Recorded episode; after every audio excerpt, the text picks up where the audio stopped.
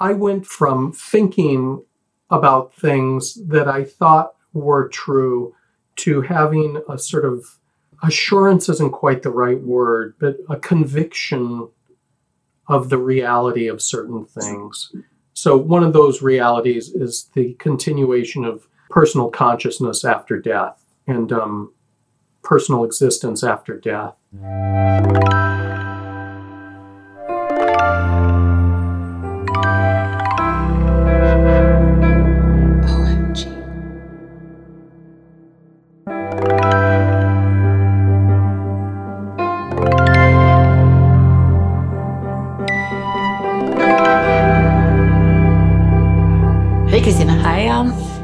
Engelsk. Ja.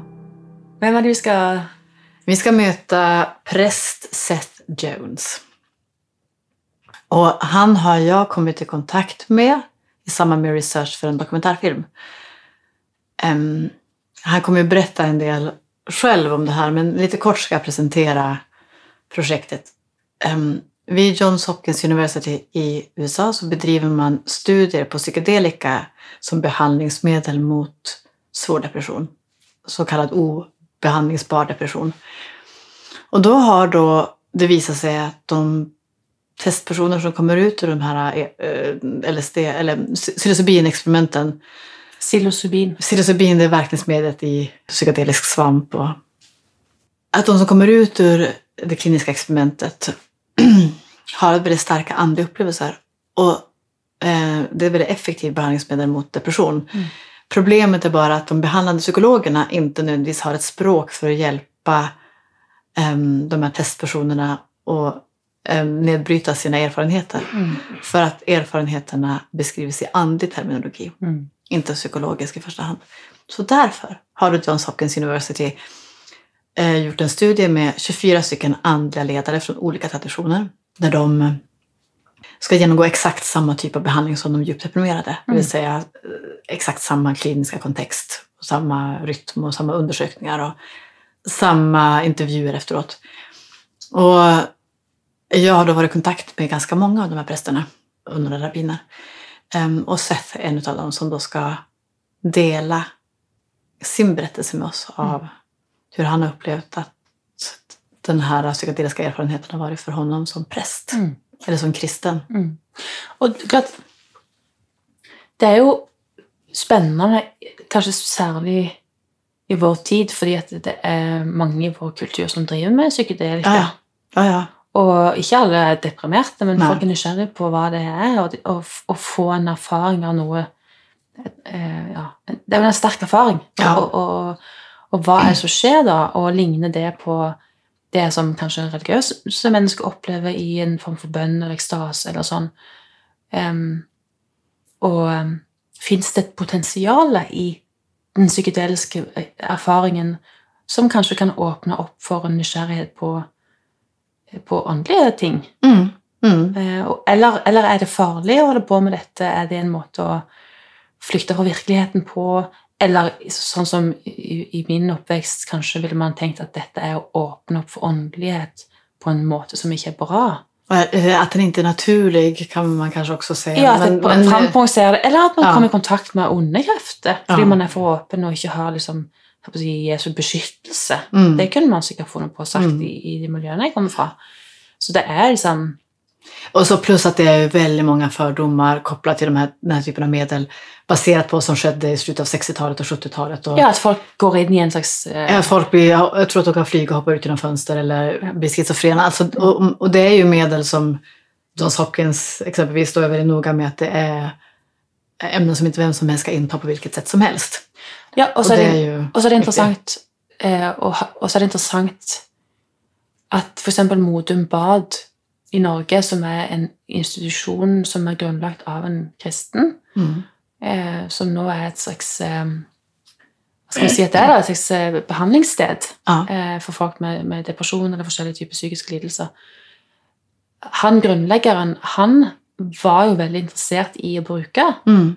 Eh, LSD som en måte att behandla depression på. Mm. Och så blev det lagt block på i mm. Norge. Mm. Och i hela världen. Och i hela världen, ja. sant? på grund av att folk hade dåliga erfarenheter med det. Men det är ju en ny intresse i, i um, Også i, kanskje fordi at man ser at eh, eksempel behandlingen av depresjon og mange psykiske lidelser Folk bare gir eh, antidepressiva, eksempel. Altså, Mm. Det er mange bivirkninger med det. Det er som det Och det, är för, och det är väldigt många det inte fungerar för. Nettopp. Så egentligen kan man säga att psykedelika har liksom ett uppsving på flera plan. Mm. Det är både i klinisk kontext, för det kommer troligtvis att godkännas som behandling mot depression Mm. i USA under 2021. Ja.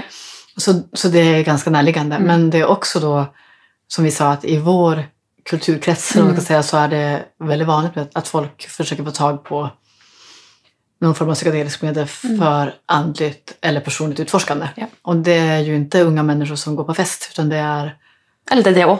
Ja, det, men, men de känner inte jag. Mm. Jag, känner, jag känner mm, folk som är arkitekter, politiker eller journalister eller Mm. så som, som testar det ute i en trygg kontext Mm. för att nå mer insikt om sig själv. Så det är en rörelse som existerar. Ja. Och därför är det väldigt spännande för oss som kommer från en kristen tradition Mm.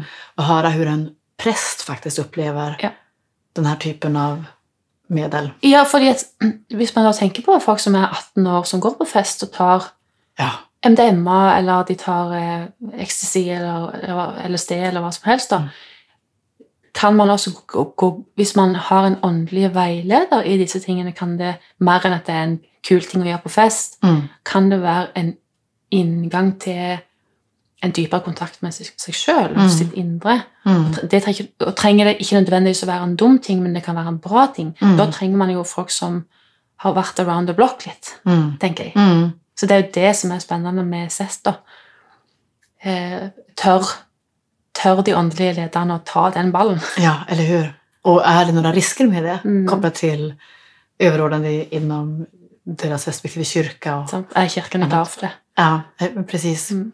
Och, är, och förändrar den här typen av upplevelser någonting för Seth Mm. då när det kommer till hans perspektiv på andra religioner? Ja. Så det är ett väldigt spännande samtal. Mm. Virkelig. Vi kjører. Vi kör.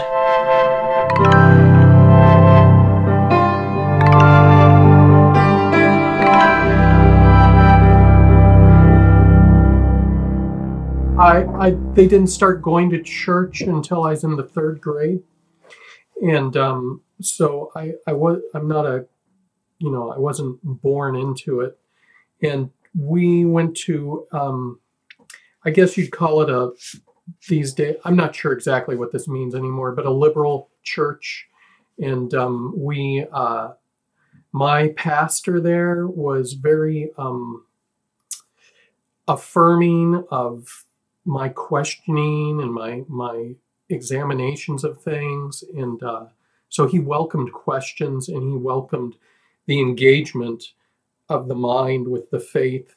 And uh, so i went in once and said i'm really interested in buddhism i'd like to explore that and you know i didn't feel i was a weird kid i'd go visit with my pastor way more than my friends ever did and um, and so uh, the um, outcome of that was I did explore Buddhism and Zen uh, quite a bit. And uh, while I was doing that, he called my parents to see if I'd been baptized. And I had not been baptized. And so um, he arranged with them for me to be baptized. He sat down and had a conversation with me. I must have been around 14 or so. And um, and so I agreed to it. I thought it sounded like a good idea. And so we went to a top of a hill behind the, um, we lived on a, it wasn't really a farm, but like a lot of acreage with a forest. And so we went to the top of a hill and I got baptized on that hill. And it was this powerful, powerful sort of mystic experience. And um, soon after that, I began thinking that maybe I was called to the ministry, to being a pastor, and uh, I uh, went along with that mindset and went to a uh, explicitly Christian undergraduate college, and very quickly uh, was um, troubled by uh, the people who would go drinking on Saturday night and then show up in church the next morning and you know and uh, I'm much more forgiving of them now. Otherwise, I wouldn't be doing what I'm doing. But um, uh, and so I didn't really go to church much. But once I graduated from college, I remembered again that I'd been called to the ministry, and so I went to seminary. And uh, in the process of going to the seminary I went to, I lost my faith and ended up uh, joining a uh, Tai Chi school, which uh, I became very deeply involved. I still teach Tai Chi, but this school ended up uh, turning into a commune. So I lived in a commune for about six and a half years, and the commune eventually turned into a cult. And so um, we spent, uh, my wife and child and I spent about two and a half years trying to extract ourselves from that and finally succeeded. And so once we were out, uh, I I worked hard at being an atheist because I just rejected all the worldly teachers. I thought I just need people to quit telling me what to think and what to do. And so, um, and then I was having a rough time. I'd lost my job and things were. My daughter was sick, and so um, I uh, one day, I don't know what happened, but I just ended up praying, and I had this moment where Jesus was with me, sitting with me, and uh, it was this very powerful experience. And so we ended up back in the church. This was in around 2003, 2004, and um, and then uh, I remembered again, oh, that's right, I was going to go into the ministry. And um, my pastor at the time, he was very good. He said, We'll take it slow. Here's how we can do this. And so I did. I took it slow. And, uh, you know, after a year of just hanging around the church and doing stuff with the church we were a part of, um, I took a class. And then I took another class. And then eventually I was all the way in. And so I, I became I was ordained as a pastor in 2008, and I was in the financial industry before all of this and all kinds of stuff. So, um, so I've been a pastor since about 2008, and uh, I've been through various uh, spiritual paths to get to where I am. So, uh, all that's to say that my my um, mindset with regards to the Christian faith I began in an open place, and uh, I I believe myself to be in an open place with regards to my faith, but I I take my faith very seriously and consider myself uh, as Christian as it gets, and so. Um, so it's it's not really a tightrope act. It's more like walking in two worlds at the same time. I would say so. So uh, all that's to say, when the stuff came up for Johns Hopkins and that opportunity arose, I was like, this sounds great. So, so that's how I ended up in the Johns Hopkins study. Okay, can I ask you one thing before we go into that?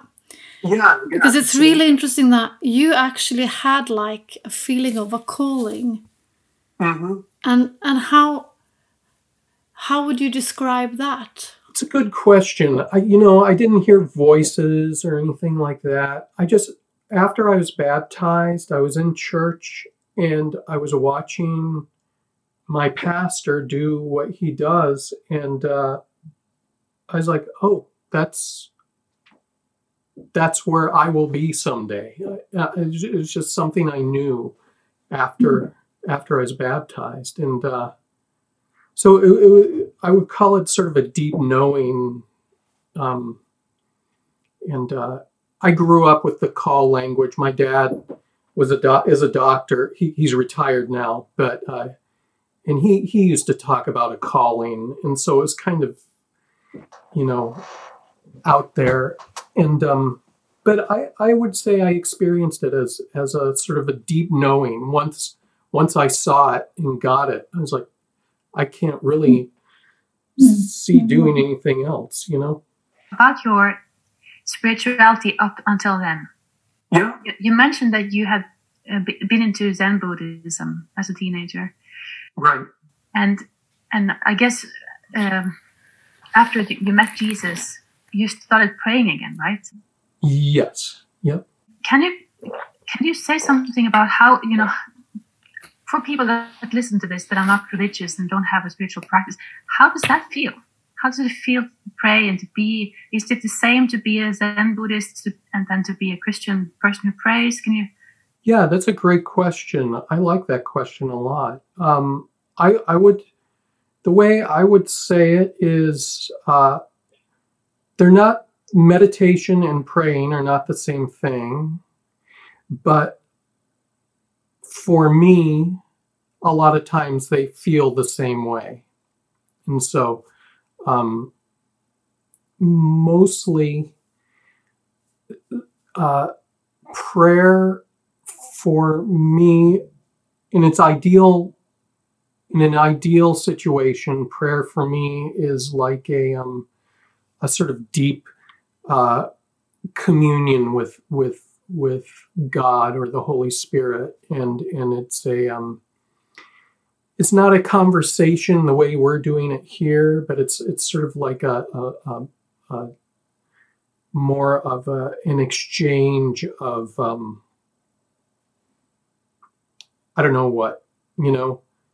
It, it's more it's more like communicating by um, telepathy or or image, you know, and um, and uh, and where it's like meditation is uh, both both I think require quieting the mind to the point where you're open to receiving, and um, and that's where they're similar and that's where often prayer is like zen meditation for me because i you know prayer is difficult for me. Meditation is difficult for me. I'm i'm i like to be up and moving around i don't like sitting still you know i have a lot going on in my head and uh you know i don't so um so both are difficult uh i think um in, ex- in in terms of experience, often for me, both are very similar.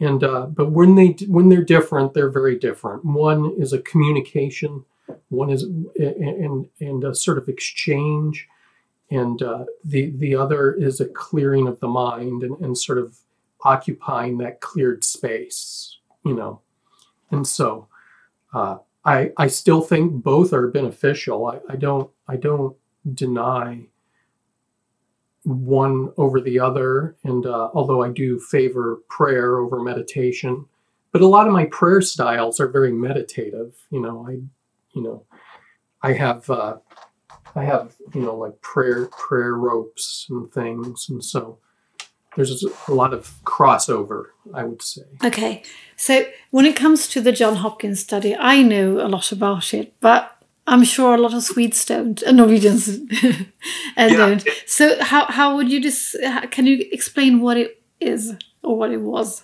Well, I I came about it from a friend. A friend saw it advertised, um, I think on Facebook, and he forwarded it to me. He said, "I think you'd be great for this," and uh, he's a pastor as well. And um, and so I read through it, and basically it was uh, the study was titled something like. Um, uh, psilocybin occasions mystical experiences for clergy and spiritual leaders. Is sort of the thesis they were working with. And um, i was like oh okay well i'm a, I'm a spiritual leader i'm clergy. And so uh, i applied i you know i sent an email and uh, i got a call back the next day and had an interview and so um, cleared the first interview. And so um, I had no experience whatsoever with psychedelics before that time. Uh, I knew a lot about them, though. I've read books, and you know, I, I'm I'm not unfamiliar with things around it. And uh, this was in 20 the begin so April of 2018. Is that right? Yeah, April of 2018 is when I got that email. And then uh, and then there's a whole process you go through questionnaires, a couple of interviews, and then they fly you down to Baltimore and uh, Maryland, which is where the Johns Hopkins facility is, and um, do a full scale medical and psychological profile of you. And so I did that and uh, almost got kicked out on both sides, both the medical and the psychological, not because of the psychological, not because of me, but because of some things in my familial past. Um, so they, they, it was heavily screened. And uh, one of the things that came up was blood pressure. My, I, I uh, grew up around doctors and hospitals, and they make me incredibly nervous. And so when I got there, my blood pressure uh, for the for the exam was the highest it's ever been in my life. It was like 166 over 112. And so they, they're like, you can't do this unless you get your blood pressure under control.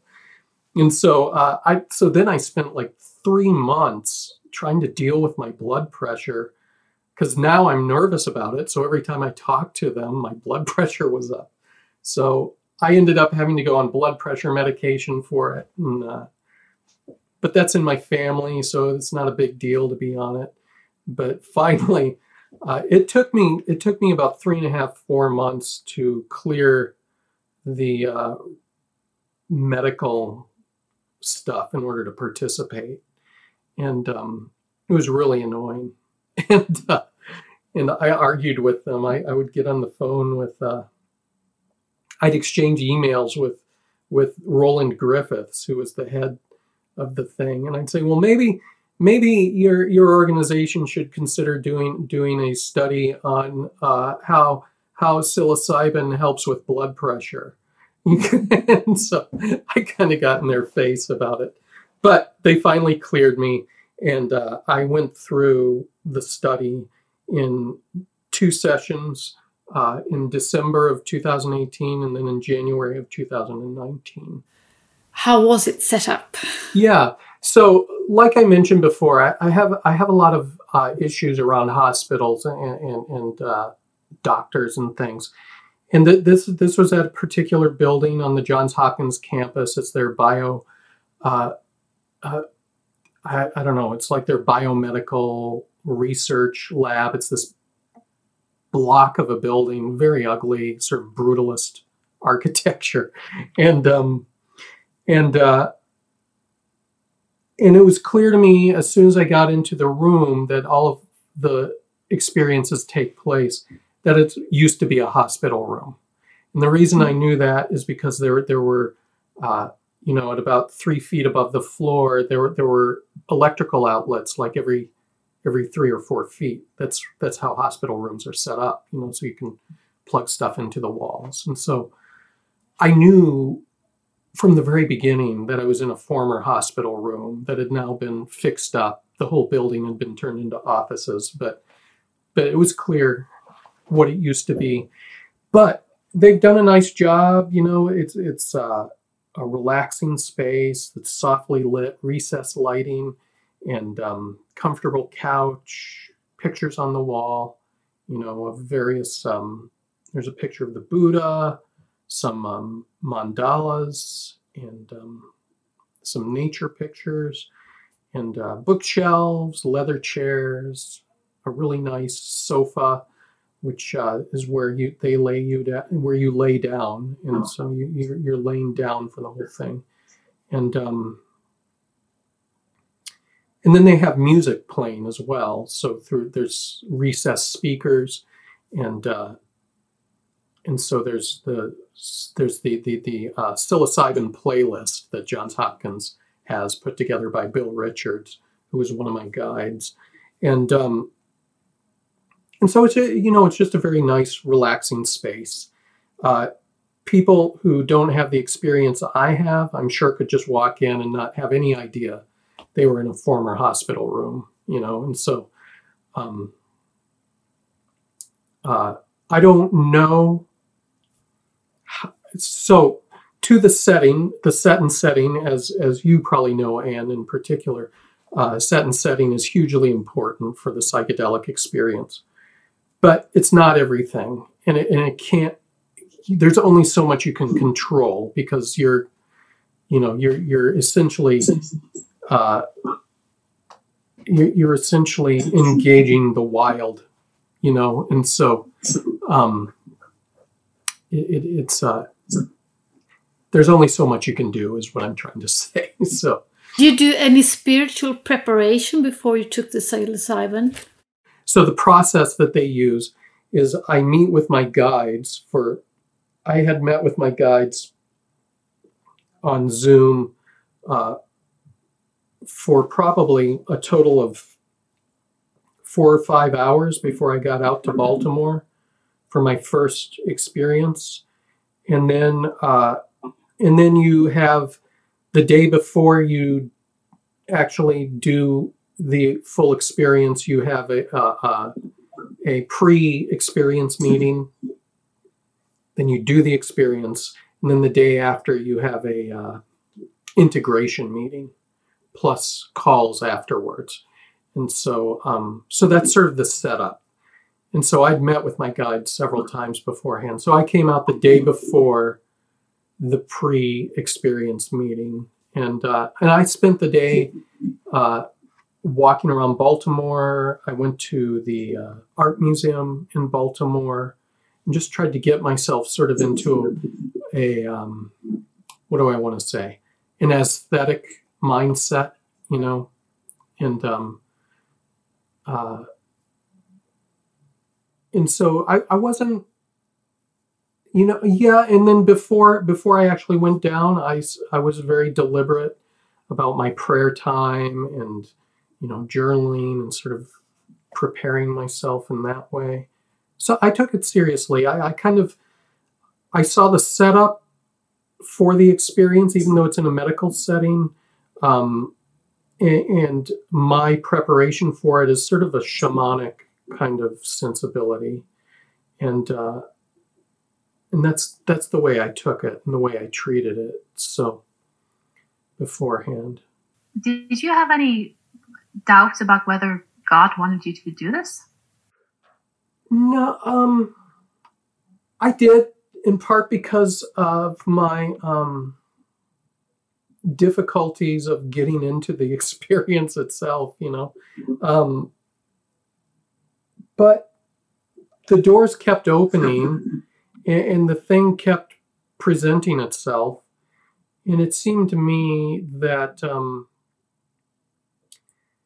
you know, I've had experiences in the past where I've I've said, "All right, Lord, uh, you just guide me through this and give me some signs to help me out here," and um, and those have worked in the past, you know, both for and against things, and uh, I did. I so I, I I was pretty confident that um, if I'm not sure necessarily God was for it, but I didn't feel like God was against it. So and, um, I never got a no for it. So and you know, so yeah, and um, and uh, you know, I I understand certainly from your your background, Christina, that that, uh, that there um there would be uh, some serious concerns. So, so if I were a Pentecostal, um, I, I, and I know some Pentecostal uh, pastors, they they would be horrified at what I was preparing to do. But um, and I and I understand why, to be perfectly honest. But um, and after my experiences, um, I you know I'm not I'm not so sure those those those uh, concerns are necessarily wrong, but I also think that um, it's really good to know what we're actually dealing with in the spiritual realm, you know. And I think just telling people don't do this, do that, is not really finally helpful in our spiritual development, you know. So, anyway, that's my So this So now I'm really curious. so what happened? Yeah, so yeah, the way I like to put it is that my first experience uh, rewired my brain, and my second experience restructured my psyche.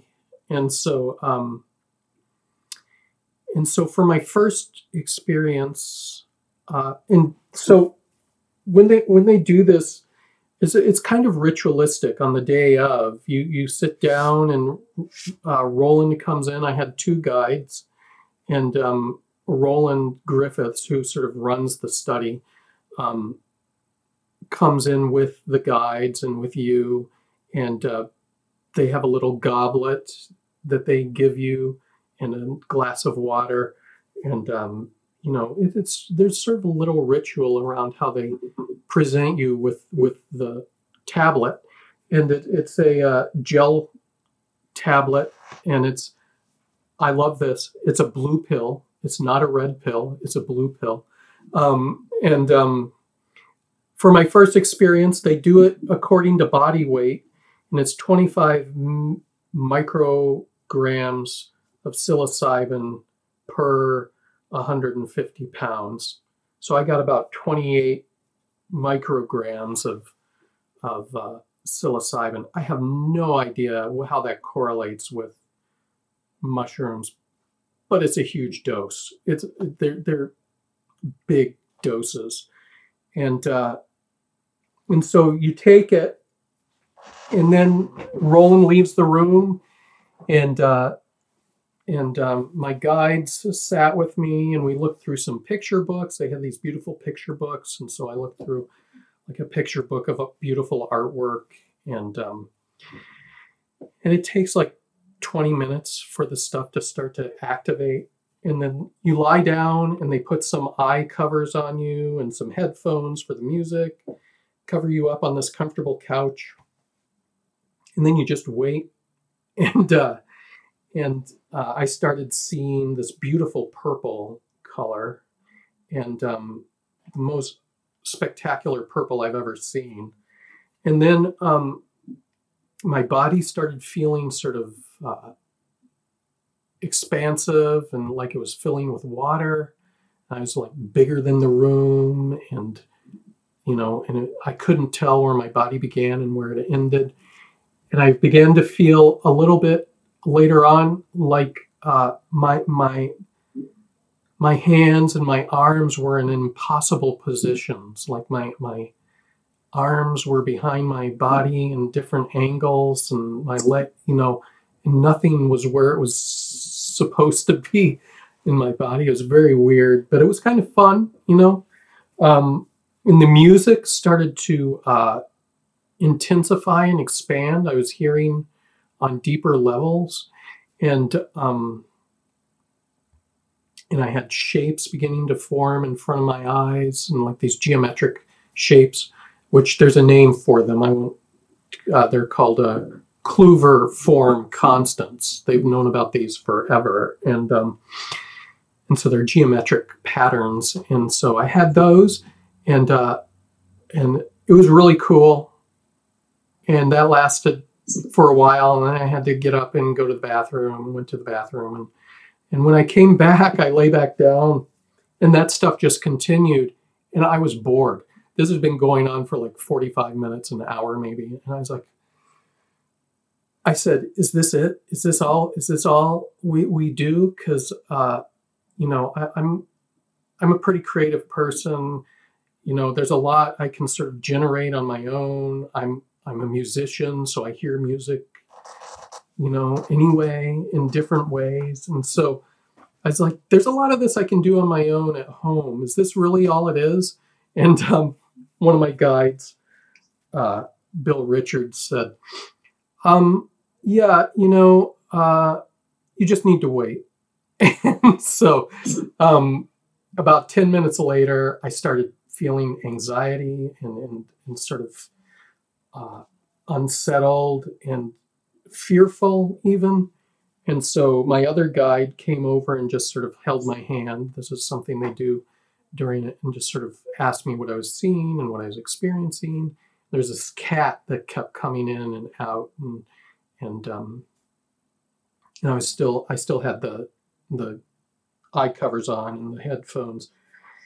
And then uh something changed and I was standing at the top of of of a really big spiral staircase like obsidian black staircase and uh there was a being next to me, sort of angelic, kind of, not really male or female, but it struck me as not human. And um, I was in this landscape at the top of the stairs, and it was dark out, and there were fluorescent, like uh, iridescent colors moving through the sky. And, and uh, it was really wild. And then um, we started walking down this staircase, and uh, it took a while. And once we're down the staircase a ways, the whole world just sort of flashed into uh, into um, clarity, I guess you'd say. And it was uh, this vast, massive. Um, unbelievably beautiful cathedral made out of glittering blocks, like multi-dimensional uh, blocks that glowed different colors, and um, some of the colors were off off the spectrum. I I wouldn't even be able to tell you what color it was, and um, and it encompassed everything. It was like the universe was made out of this cathedral. Incredibly beautiful. Still one of the most beautiful things I've ever seen in my life. And we went down deeper and deeper into the sort of catacombs of this this cathedral, and uh, and um, I started getting nervous again. It was almost as if we were sort of underwater, and uh, I was laid down in this this um, container, but that's not really the right word. It was transparent. It's a transport device. That's what I've been calling it, as a transport device. And uh, and there was the iridescent stuff moving through the water, and um, and I knew I was going to die, and and um, there was ringing in my ears.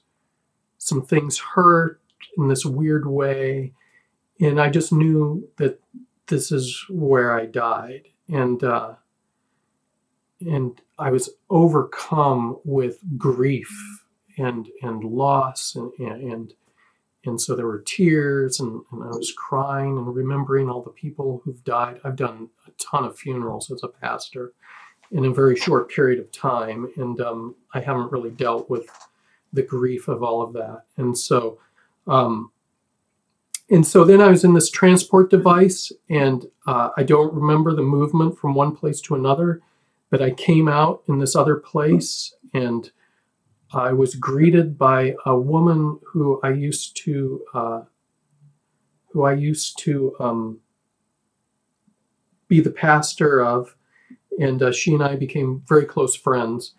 And uh, she grew, she died like five years before my my journeys so seven years ago now, and um, she uh, she greeted me on the other side of this transport, and uh, I was crying and everything, and she said, "Just calm down and follow me." And so. And so she took me on a little tour of these sort of side chapels with these glowing blocks, unbelievably beautiful. And then uh, we came out onto a street in Paris and uh, it was nighttime. It was like 2 a.m. There was no one on the streets, and it was um, quiet. It was a, one of the cobblestone streets, and I have no idea how to how I know this because I couldn't see it, but it struck me that it was off the Champs Elysees, and sort of one of the you know one of the streets that radiates off of there, and there were lights hanging off of the cafes. There were some. It was incredibly beautiful. Everything was beautiful and she said, This is where I hang out now. And uh, I said, I said, hold on. Are you telling me that heaven is Paris at night? She said, Yeah, yeah, that's what I'm telling you. So heaven is Paris at night, and uh, just unbelievably beautiful. And um, and then and then so once I uh, once that had happened, I I, I was like, um, my my my friend left, and I was just sort of hanging out on the street and wandering around, and um, and then uh, I wanted to see what the world was like without the eye covers and the music, and so I took all those off and sat up and looked around. Everything sort of glowed from the inside out and was multidimensional. So, uh, you know, I looked down at the rug and it was like, you know, multiple dimensions.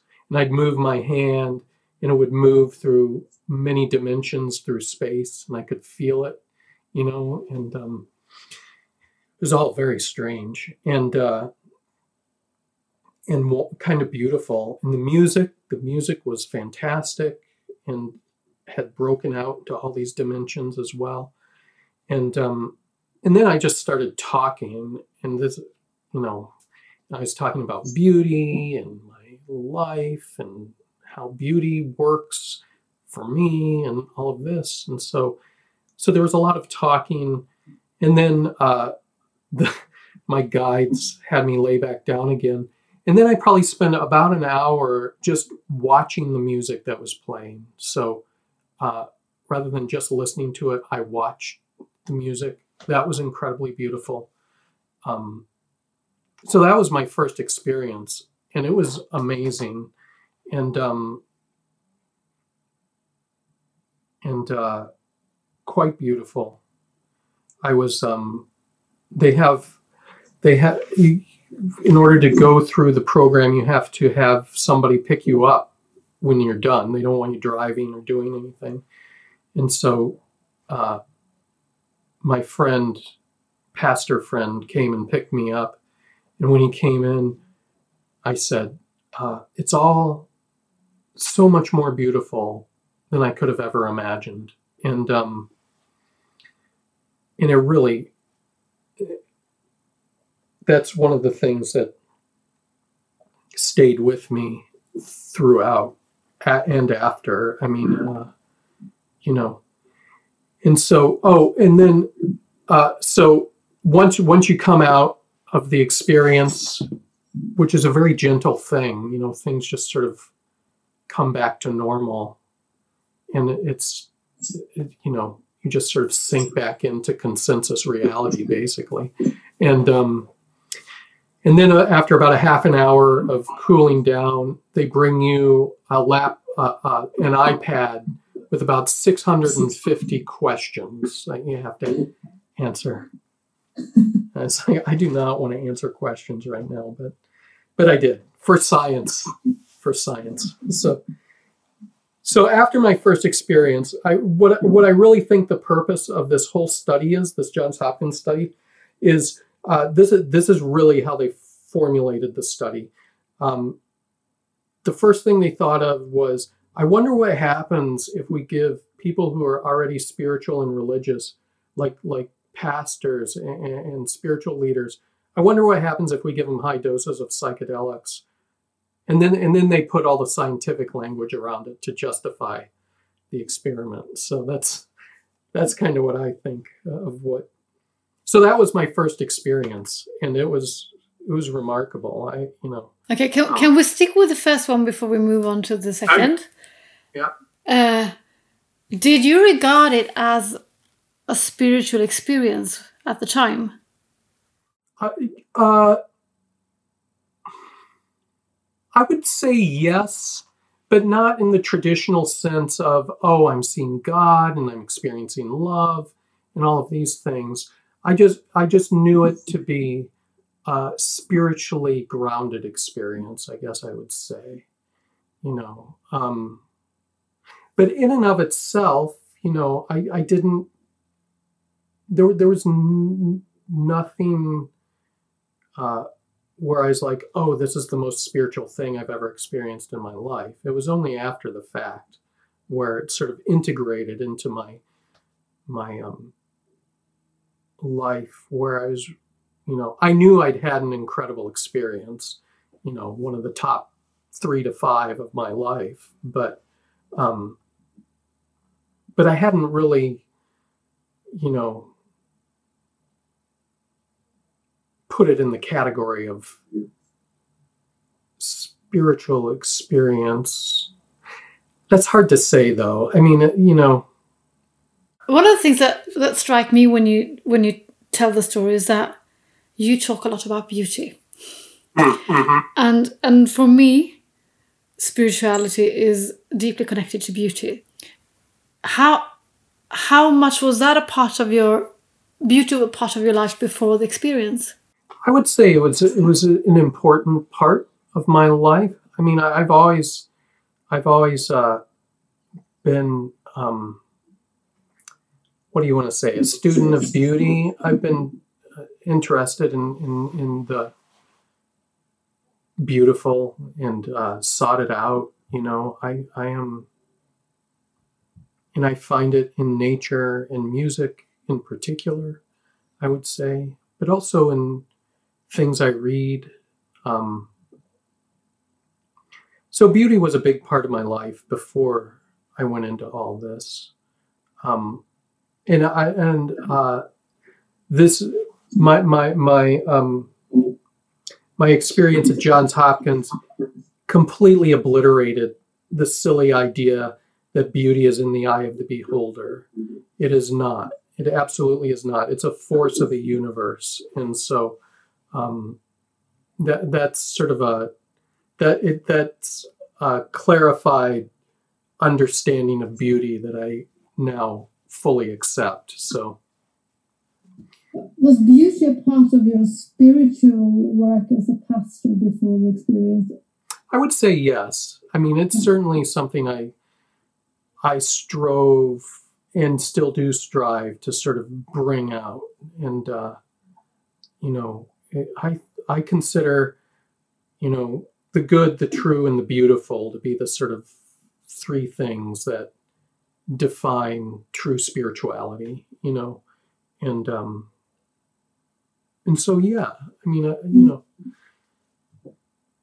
but my experience certainly changed or or magnified how I think about beauty, you know, so and um how I experience it for sure. You know, I never tried psychedelics, uh, but I, I, I am a dreamer. Yeah, you know, And I, I take notice of my dreams, especially after I was deep into therapy. Mm-hmm. And I found that through my dreams, I often, you know, God or what it whatever I can call it, told me stuff. Sure. Uh, so I- I'm careful to, you know, in the morning, I never just get up straight out of bed. I always lie in like 10 minutes to try to remember what was it that, that I dreamed. That's a great practice. Yeah, that's good. And I think that sometimes it's just like I can notice if I saw a movie the day before, like my brain's just like processing. Yeah, yeah. But if I if I'm careful not to put too much into my brain, then what my dreams tell me is sometimes something that is important for my you know development or it gives me some answers and and you can discuss whether that is a psychological or a spiritual practice Mhm.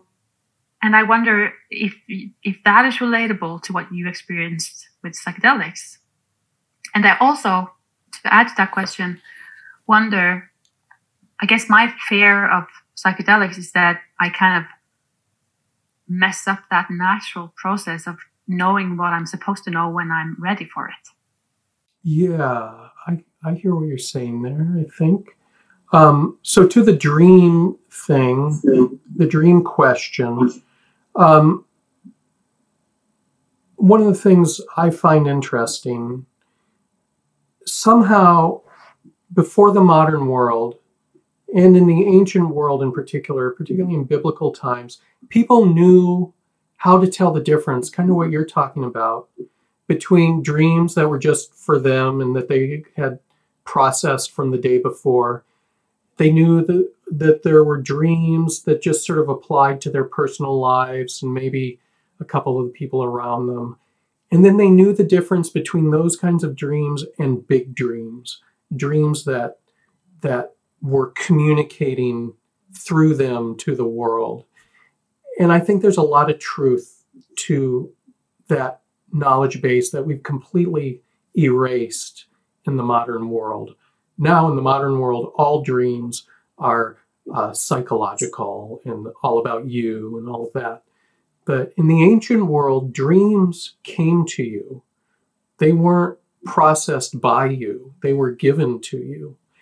And, um, and I think for those of us who do dream, we've all have dream have had dreams where we feel as if it were given to us, you know, and it, and it takes us beyond anything we could have known of our own accord. And so, in that regard, psychedelics are a lot like that sort of latter category, that that kind of big dream. And um, and I have had dreams. It sounds like you have too, as well, Christina. They uh, that have um, that have uh, stayed with me my entire life. That that took me beyond just my personal knowing and uh, were very, very real, perhaps even more real than whatever it is we're doing out here. Yeah. And uh, for me, the psychedelic experience, uh, at least the ones I had, were, were um, sort of an encounter with uh, the really real. You know, that's that's.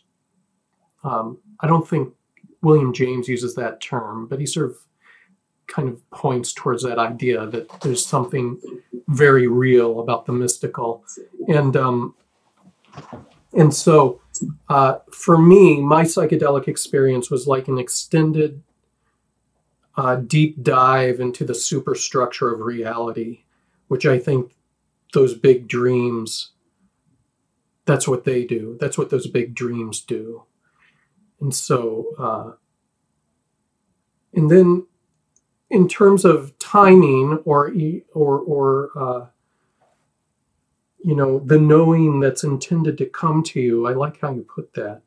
Um, yeah I, th- I think that's a i think from my perspective that's a legitimate thing to think about and consider you know? And i'm not sure how you'd know the time was right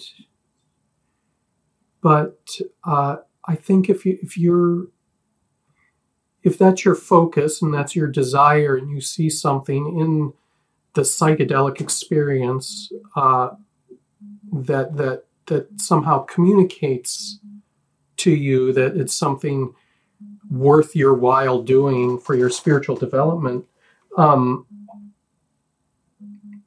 you know you'll know when the time is right you know? And uh, and I just I think you want it to be a guided experience. It needs to be in the proper setting. It, it's it's uh, you know um, these are not. I don't think of them as drugs. I think of them more in the category of like kind of uh, spiritual medicines or that kind of thing. You know, so um, and I think treating them that way is the way they're intended to be used, in my mind. Uh, I would never legislate that. By the way, I, I think I think um, that's not the appropriate way to deal with that. But but um, I I think uh, if someone were to come to me and say, "Yeah, I've got I've got an opportunity to go drop acid at a friend's house, and and I'm not sure whether to do it," I'd say, "Yeah, don't do it." You know, and um, but if they came to me and said, I have the opportunity to go on this guided experience with well trained guides in this special setting and, uh, you know, you know, take some time and seriously consider it, that sounds like a safe, good thing. Yeah. I, I guess my my my my former puritanist thinking about this was like you should not manipulate manipulate your spiritual experiences mm. by t- taking anything or using anything. But then I thought, well, you know, I I listen to to music. Uh, some people, you know, abstain from from sex or, or food for periods of time. Yeah, yeah. And we use like we, we go into beautiful buildings. Like we already kind of do this. Right, right. I, I, uh, yeah. So do you I think agree. that psychedelics can be thought of as a kind of a spiritual tool, uh, uh, in the same way as you know fasting or or worshipping or Yeah, I think so. I mean, you know, I, I kind of get some of the. So in the in the Johns Hopkins study, uh, I was told no um, no uh, Buddhists and no Muslims participated in it. They couldn't find them to participate in it, and uh, the reason the Buddhists wouldn't is exactly what you're talking about. Um, you know, and uh, that sort of Puritanist kind of idea. Uh, and I, I suspect it's similar for the, the the Muslim mindset as well, though I'm not positive about that. Um, and uh, but I guess my, my um, thought is it is a fast track. I mean, you know, you, you're you're sort of jumping all kinds of hurdles by by doing the psychedelics for the spiritual experience. You know, I think um, I think you, you you're, sort of fast tracking a whole bunch of things, like Tibetan Buddhist, for instance. No Tibetan Buddhist did this either, and I know why the Tibetan Buddhists didn't because if I'd told them the story I told you, they'd be like, "Oh yeah, yeah." So we, uh, yeah, we we all all of us here in the monastery just hung out in that cathedral you talked about this morning. You know, I mean, they, you know, they don't, you know, they, I think they they probably have have sort of jacked the code to to get to those places much quicker than a lot of other people, and um, and so uh, I get it. You know, I understand the critique. I think there may even be some validity to it, uh, but I, th- those arguments didn't work for me. So I guess that's, you know, I, I don't have any real justification, but it is a fast track. I mean, and and one of my uh, spiritual teachers before I after I lost my faith, uh, and before I came back to the church, I was in the uh, I had a Gurdjieff teacher for a while, and um, one of Gurdjieff's quotes was, uh, "If you can steal, uh, if you can uh, have it given to you, if you can get it by accident, or if you have to take something to achieve enlightenment, do it." And so that's, um, and so, so I've always taken that kind of to heart. I'm like, oh, a fast track, an opportunity to do it safely and uh, with with you know guides and and it's a study for science. I'm in.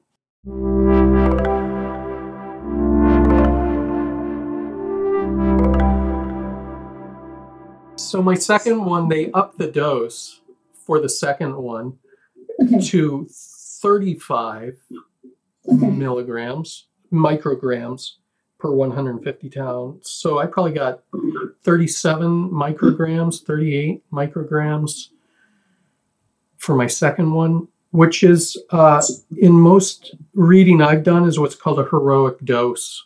I mean, you know, and um, it's just right at the edge of blowing you out of of being able to consciously stay present for anything. And uh, so for my second one, I was actually more nervous for the second one than the first because in the first one I didn't know what to expect, you know. And um, once I knew that basically you're just spinning spinning the wheel of fortune with with psychedelics, you have no idea where you're going to go. Um, uh, you just don't even have a clue what's going to come up. And no amount of controlling set or setting ultimately will change that. I think it's good to control for set and setting, but um, once you do that, you're completely at the mercy of the of the of the medicine itself. And um, this is my experience anyway. And so I was much more nervous the second time. And I tried to do the meditation stuff and be prepared for it. And, but by any classification outside of the medical situation, and they hate this language, by the way, at Johns Hopkins, the word trip, they don't want you to call it a trip. They don't like that. But by any other measure, if I were in any other place, my second experience would have classified as a bad trip. Okay. And uh, so, um, uh, so I got there and uh, did the ritual thing and um, took the pill and um, m- things moved much more quickly for the second time. And almost within 15 minutes, I started feeling ill. I did not feel right at all.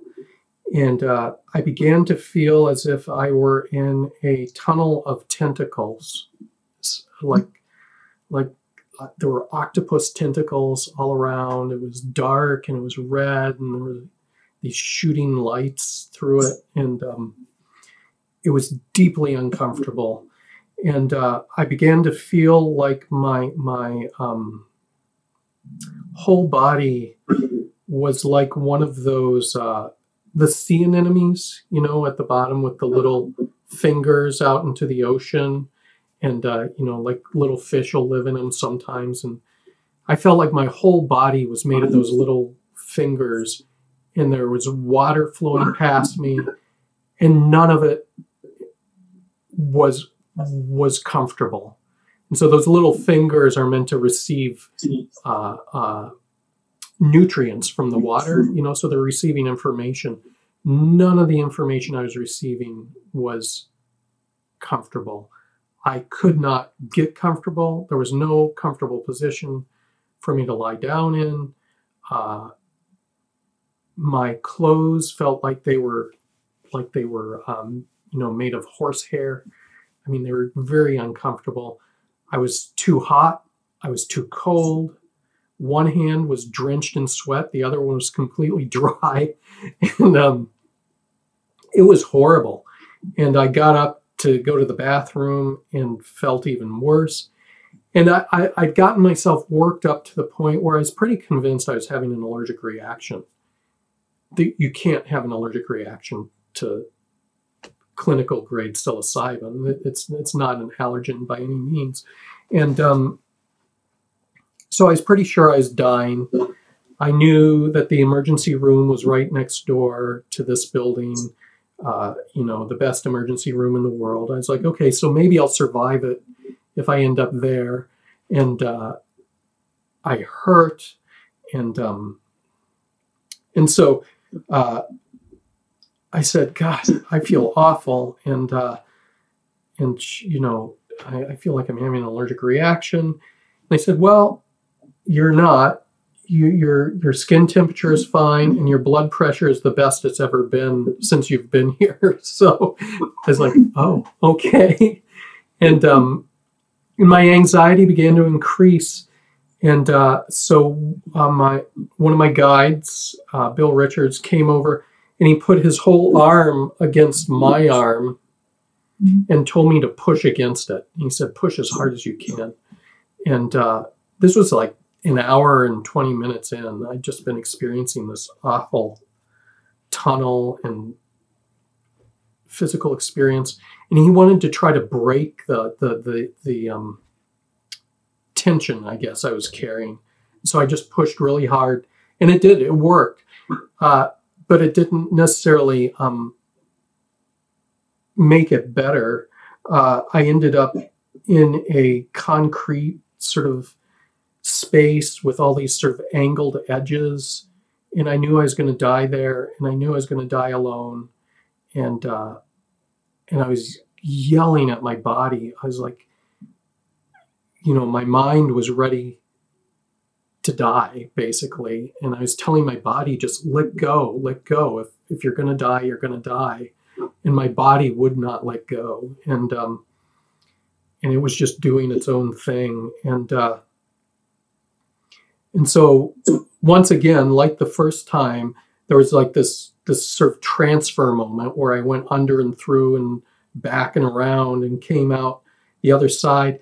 And I came out and I was this, uh, by this time, I'm, I was moving around a lot. I was sort of flailing and pushing against stuff and trying to get my body comfortable.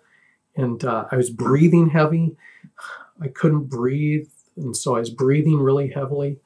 And, um, and I came out and I was floating above the earth and I was uh, this god, uh, and I had lightning shooting out of my hands and my feet, and um, I was above one of those um, Aztec or Mayan play fields, you know, where they have the, you know, the big field with the, with the, you know, like they used to play the ball game and throw the ball through the little hole, and I could see like Aztec or Mayan pyramids around. It was like, and you know, it was an active village, but I didn't see any people there.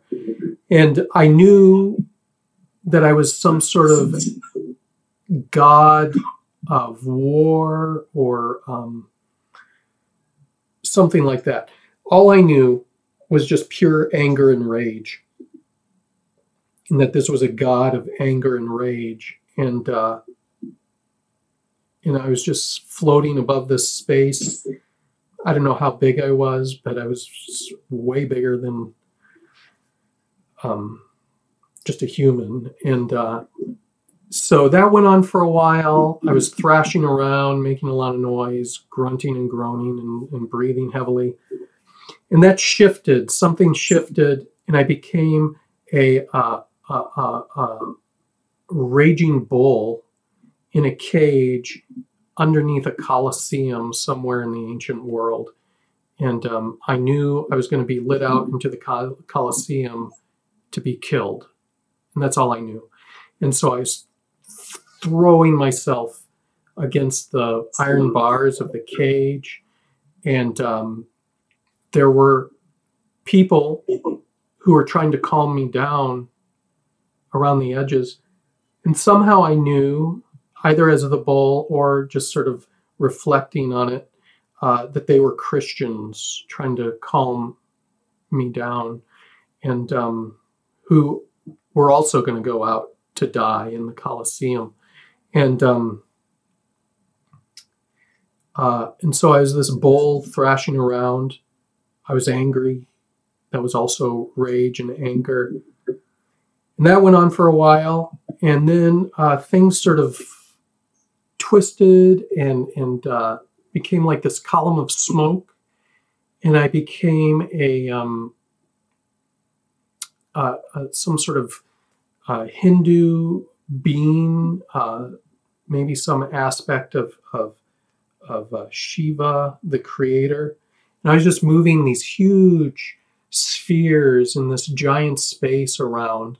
And all I was interested in was the creativity and the movement of these different shapes in the in the whatever I was in and um and then I think I blacked out. I may have blacked out because things went dark and I came to and I was lying down on the on the couch and I looked at my guides and I said, "What did you do to me?" And um and I said, was I dreaming or was I actually moving around that much? He said, "Oh no, you were moving around. You, you that was that was going on for a while. I'd been doing that for like two hours, just thrashing around, and I hurt. I was so sore. I was uh, I was really um, I was like, wow, uh, that was super intense and the, so they wanted me to talk about it and um, you know uh, one of the things that happened for me with um, the psychedelic experience with both experiences is that i felt like i was accessing information from different channels and so it, it's like it shut down my my my um, traditional ways of thinking about my past or about who i was and so I was receiving information from different ways.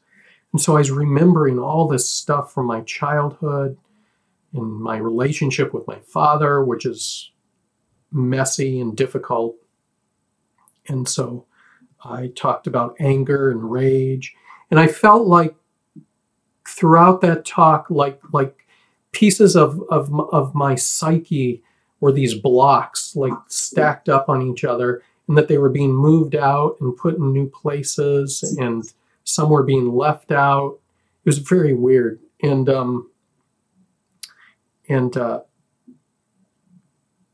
you know and then i lay down again and just listened to music for a while and it was very calming sort of pastoral classical music and uh you know, and I was just talking away. I was just chattering about rage and anger and about sort of my one of my big insights is that the true Christian is the one who sits next to the angry, angry bull and tries to calm it down. That's the work of the Christian. And uh, and um, I don't know what to make of that, but uh, you know, when it, when I tell my second experience, it's it's it sounds much shorter than my first experience, but it, but it was about the same length of time. It was just these much more clarified kind of things that happened. It was not a clear narrative from one thing to another. I'm still making sense of it. I don't really know what to make of all of that. But all the things I'd sort of put together in my head about what I was going to do with my first experience. I had an outline for a book after my first experience. I had all these things put together. I was like, oh, this is what I'm going to do. This exp- my second experience just blew all that out of the water. And uh, when when I when I was the the the Aztec god in the bull and the the the Shiva thing, um, I I was not there it pretty much obliterated my ego. I was I was the things that I had become, you know, and so that was intense. Can I ask you to be rage? Mm-hmm. How has that, or it, has it in any way affected your own relationship to anger? Yeah, you know, I, I would say yes, it definitely has a part of what I understand about it, I'm not sure I'm less angry because of my experience. I'm a pretty angry guy before my experience and kind of after. Um, but um, the the uh, it, I think part of how I understand it is anger is sort of the the, the launch pad to rage. But rage is the is the fuel that gods use to deal with humanity. I mean that that's kind of my that's the other thing too. Christianity so this is an aside to your question, but you know, Christianity makes a big deal about being monotheistic. There's only one God. What do you do if you've become gods? Not just one, but two. And uh, I'm still working through that. The what I've come to is that um, having no other gods before God uh, or being monotheistic does not mean what we think it means, and so um, it's not a denial of the existence of other gods. I think is what I'm trying to say. But so to the to the rage thing though, rage when we as human beings access rage, part of what gives it its power is because it is the uh, fuel of gods. I mean, it's it's you know that's kind of what I came away with that from that you know. But can I follow up your your experience? Uh, did you in any way? I mean, you're talking about rage and anger, but you don't necessarily say that this is evil. Yeah, I didn't experience it as evil. And um, I don't know what to make of that either. I, I guess part of my thought on it was um, boy, I don't know, you know, my, one of my senses coming out of it is that what makes a thing evil is not the thing itself. It's what's done with it i guess you know? And um yeah i didn't come away thinking rage or anger were evil nor did i think of the gods that i became as evil. But uh, the the capacity for evil i think was much greater in the in the uh, aztec slash mayan thing i became than the the shiva krishna thing i became you know? Um, but part of that's because uh, creativity I, I think of myself as a creative person and you know i i, I put a lot of value onto creativity. And i have zero confidence in my capacity to manage rage or anger in a way that leads to good. So i mean you know so i can uh, i can recognize that that's part of my projection but i didn't come away thinking oh that was an evil demon or god. Um, but the capacity for it was definitely present there. You know? I mean, through my own experience in therapy, when I finally got hold of my anger and my rage, to be honest, that was Yeah. so helpful, Mhm. and and that turned that that uh, helped me tremendously, you know, to make things right, which had been Yeah. wrong. Mhm. So I think that you know my Christian upbringing had made me too scared of being angry in a, in a healthy way yeah and yeah some of the Christian worldview is too scared of, you know, that that you know, cheering cheering stuff down aside of Mhm. existence and reality. that's helpful you're saying that because one of the things I've begun to realize it's been uh, two years now, two years, wow, since I've gone through it. Um,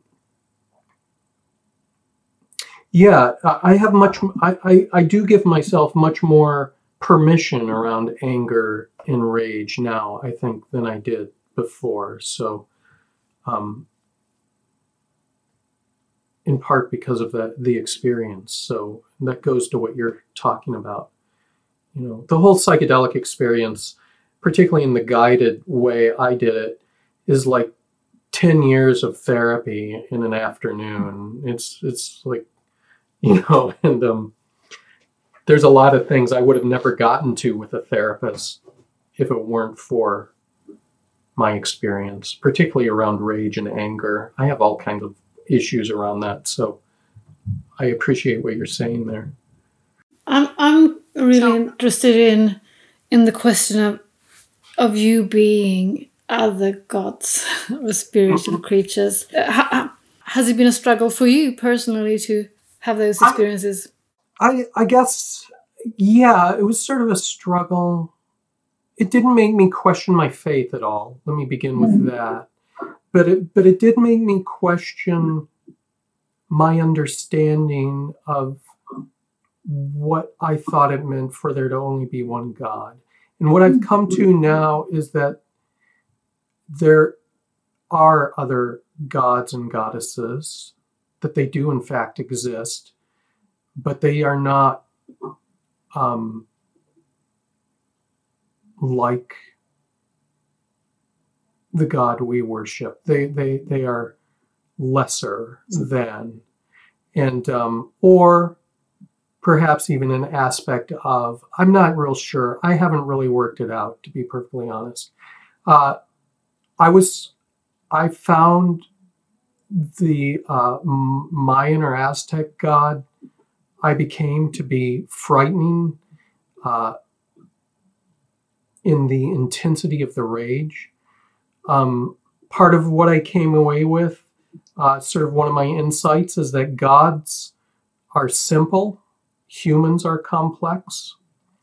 And so, and even, you know, the Bible sort of intimates that God is love. And uh, that's a simple thing, you know, but for us, love is very complex.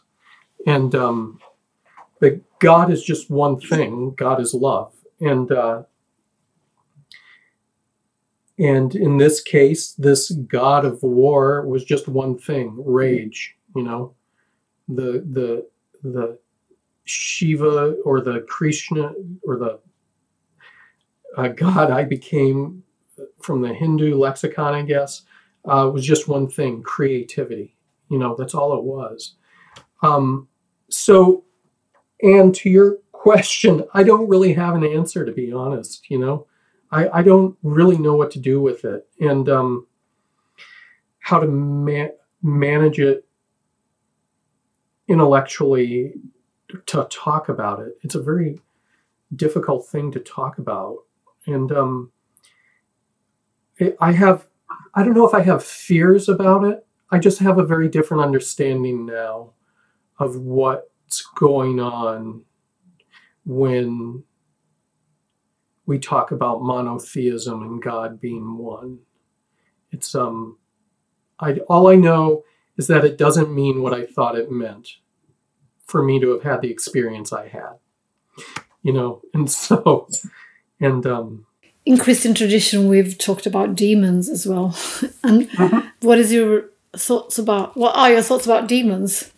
Did they change after this experience? So before my before my psychedelic experiences, I took the idea of angels and demons uh, as you know as sort of an intellectual idea. I mean, I thought I thought of it as, as kind of a um, on the intellectual plane. It's a way to talk about good and evil and that kind of thing.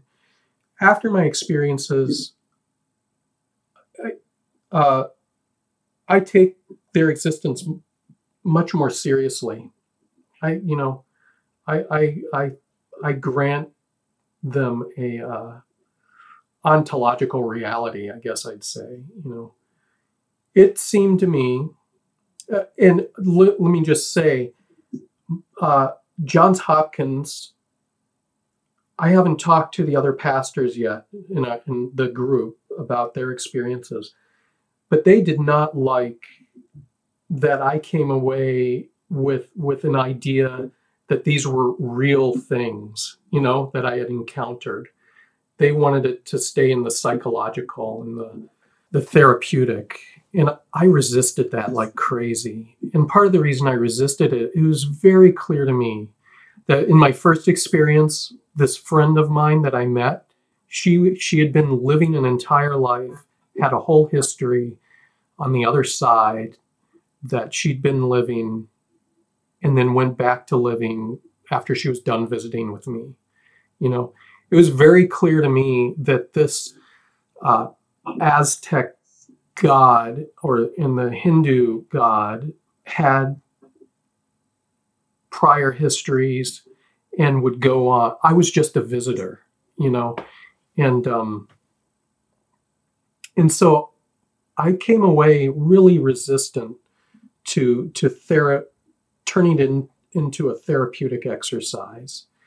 And I don't know if that's because of my theology or because of some slant in my particular psychological makeup, but I just really rejected it. I really did not appreciate their desire to push me into that. And um, and so uh, I came away taking much more seriously uh, angels and demons and their existence and their their being on another plane that affects this world directly. And this goes into some of your Pentecostal upbringing, Christine, I'm sure, but but that's a very simplistic view, I think. You know, and, and this this is a much more nuanced, strange accessibility. I think it goes more, you know, the church fathers and mothers, there were church mothers as well, but the desert mothers and fathers way back in the early church, they used to talk about this stuff all the time, visitations that they'd have. And they had a much more nuanced view. It wasn't just a matter of praying the Jesus prayer and these things disappear. You know, they they're active and they're acting on us. And I think we've just closed down so many sensory uh, avenues, particularly in the modern world, to these things that when you when you open up the veil, it's kind of shocking what's over there. You know, I mean, you know, and it does uh, definitely alter your worldview or um, clarify it at least, you know. So that's my experience, Anne. I don't I don't know if it definitely changes things and it throws you out of of your you know safe little confined area where you know all the rules and somebody tells you what to do and what not to do, you know. So, how has these experiences changed you as a pastor? Yeah, that's a good question. I think uh, I think how it's changed me in uh, one very significant way is uh, in the way I I went from um, from thinking about things that I thought were true to having a sort of assurance isn't quite the right word, but a conviction of the reality of certain things. So one of those realities is is the the continuation of personal consciousness after death, you know, and and um, personal existence after death. And so one significant change is when I uh, talk to people who are in the process of dying. I now don't go in uh, with a lot of anxiety like I used to in the past, and um, and I ask different questions now too. So the questions I used to ask were like, uh, you know, how do you think of what are you thinking about what you're experiencing, or or you know, and I'd be asked these vague questions. Now I ask very specific questions. What are you looking forward to? What are you scared of?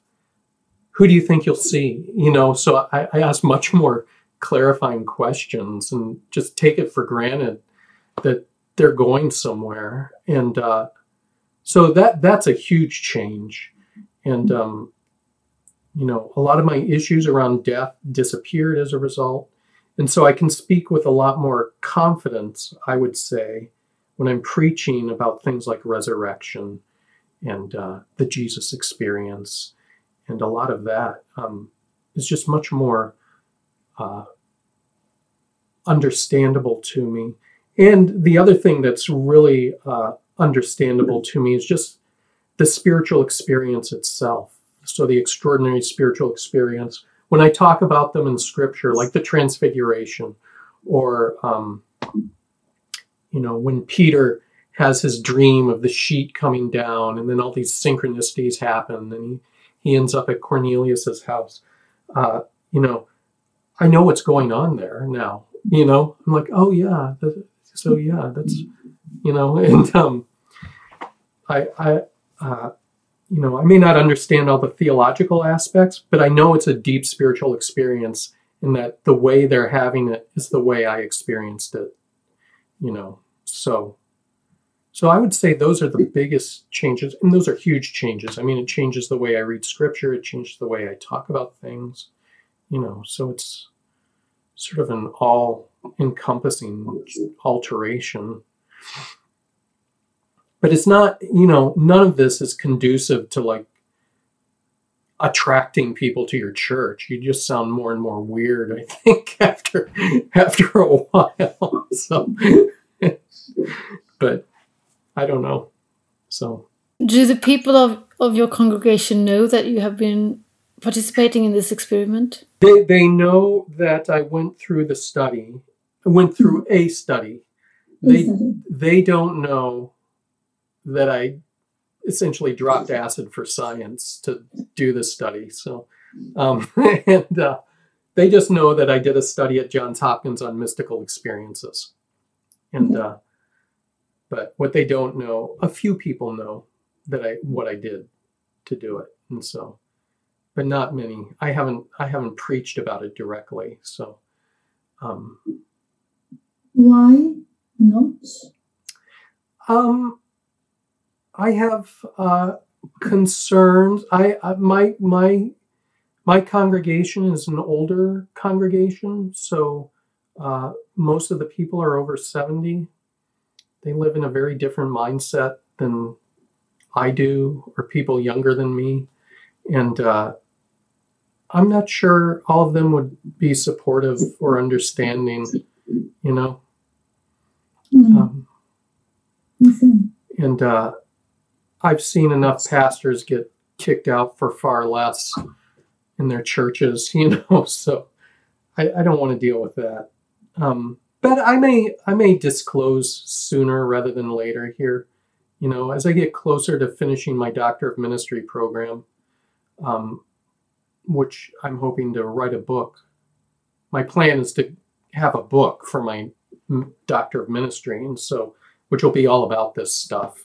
And um, and you know, so I'll, I'll have to tell them before the book comes out for sure. You know, Can I also ask you, when it when it comes to theology, I'm I'm all about, you know, the experiential approach. to Mhm. So there's a lot of stuff that I can't just swallow anymore, yeah, like theories of how things are, and sure, and, uh, and and especially when it comes to you know Jesus dying on the cross for our sins so that we won't go to hell and that story. It's Mhm. you know I I really love Jesus. It's just really that just that aspect of it is really hard for me to you know wrap my head around yeah, because it was that thing that made it so really hard for me to be a Christian. mm-hmm, mm-hmm. And so I wonder, you know, we talk to people who have had very strong experiences of something divine or God or and and some of them are Christians and, and a lot of them love Jesus, but they don't necessarily buy into that story. yeah, yeah. So what what do you think of that? Um, so you know, I, I think uh, I in some ways I have an advantage because I had a, I did not subscribe to the uh, I've always took taken the resurrection seriously, and um, but um, I've never subscribed to the uh, substitutionary atonement theory that you're talking about. You know, Jesus died on the cross for our sins and was it's all part of this grand plan. Um, I take the cross seriously. I think uh, I think um, that that's just not what it's about, though.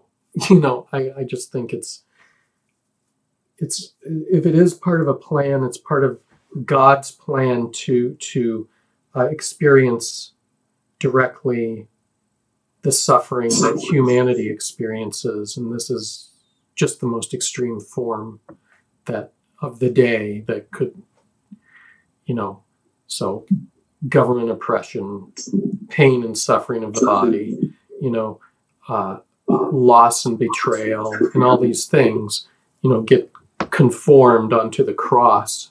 And so I, I just take a much more mystical view of things than that sort of straight theology. And um, and I did before, and now I do even more so.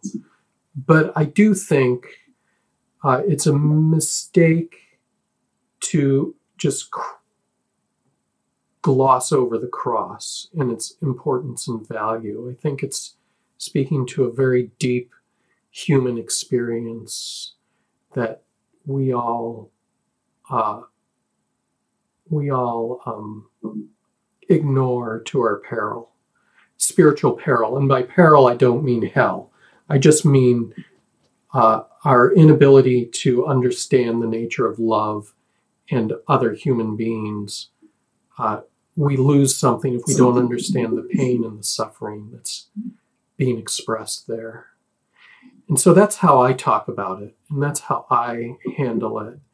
And so I try to bring it into something much more mystical, uh, even beautiful, although that's a hard thing to say about the cross. But but it, you know, there, there's some aspects there that uh, even even there, beauty is trying to shine through. You know, and um, and so that's that's how I take it and how I try to understand it. And in terms of my experiences relative to my theology, I guess is what we're talking about here now. Um, yeah, I just have a much more mystical view of things, even more so than I did before. So, so you know, I came into it without that hard edge that you grew up with in particular, um, for which I'm grateful because uh, that's hard to get over. And, and, you know, I think you're right. A lot of people do love Jesus and they don't want to hear all the stuff that we've wrapped around Jesus. The danger, I think, is rejecting the story because of the theology that's been attached to the story. So my my goal is always to try to keep the story and tell it in a better way.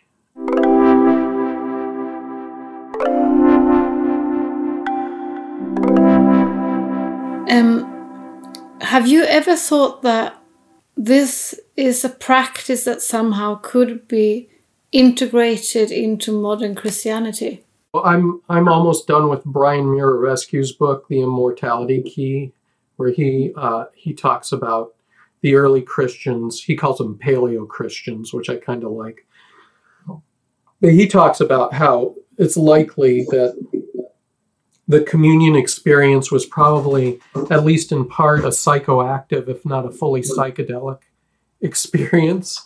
You know, so you'd come to church, you'd do the worship thing, and then everyone would take communion, and then you'd spend the rest of the afternoon, you know, whatever, communing with God, however it happens.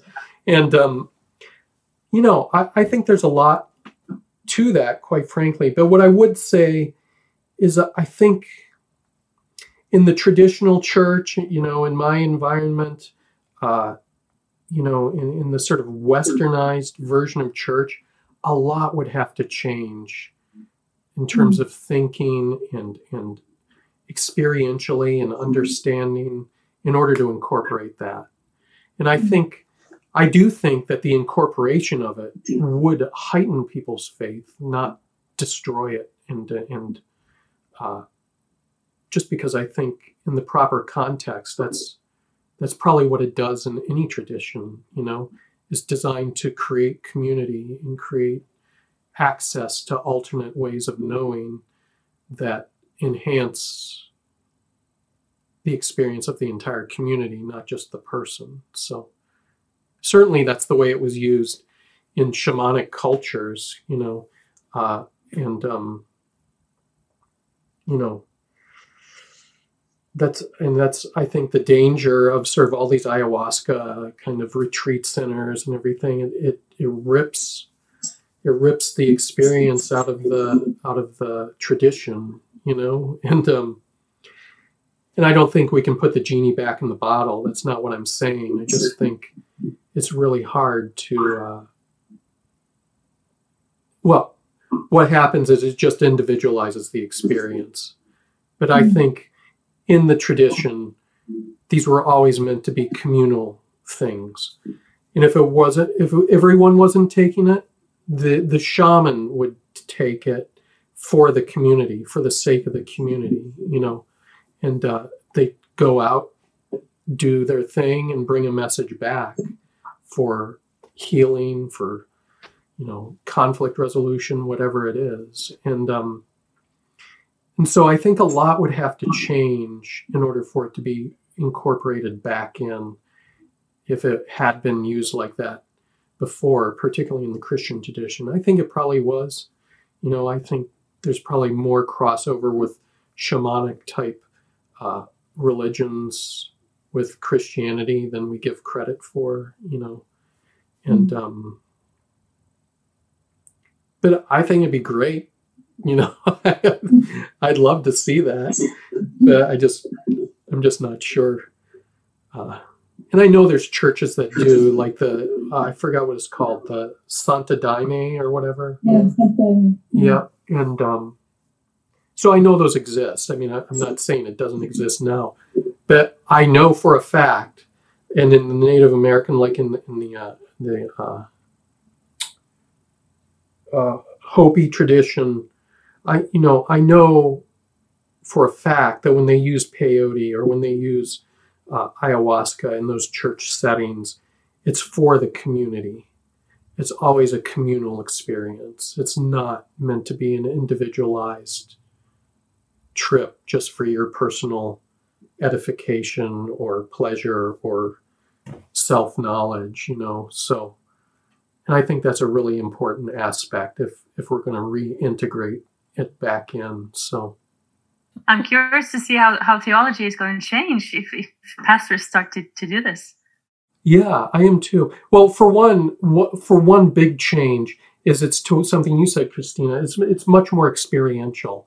My my sensibility of the faith is just much more experientially oriented now than it was before, and uh, and I think for people who are outside Christianity in particular, uh, regardless of whether they've taken psychedelics or not, the way into the faith is the is the experience, the spiritual experience.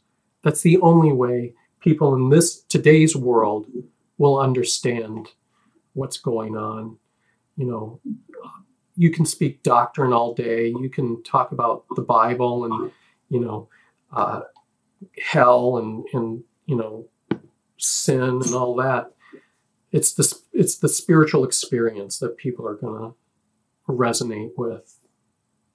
I don't foresee that changing in any near future. I think that's the way the world is bent now, you know, and so, and I think that's a good thing actually.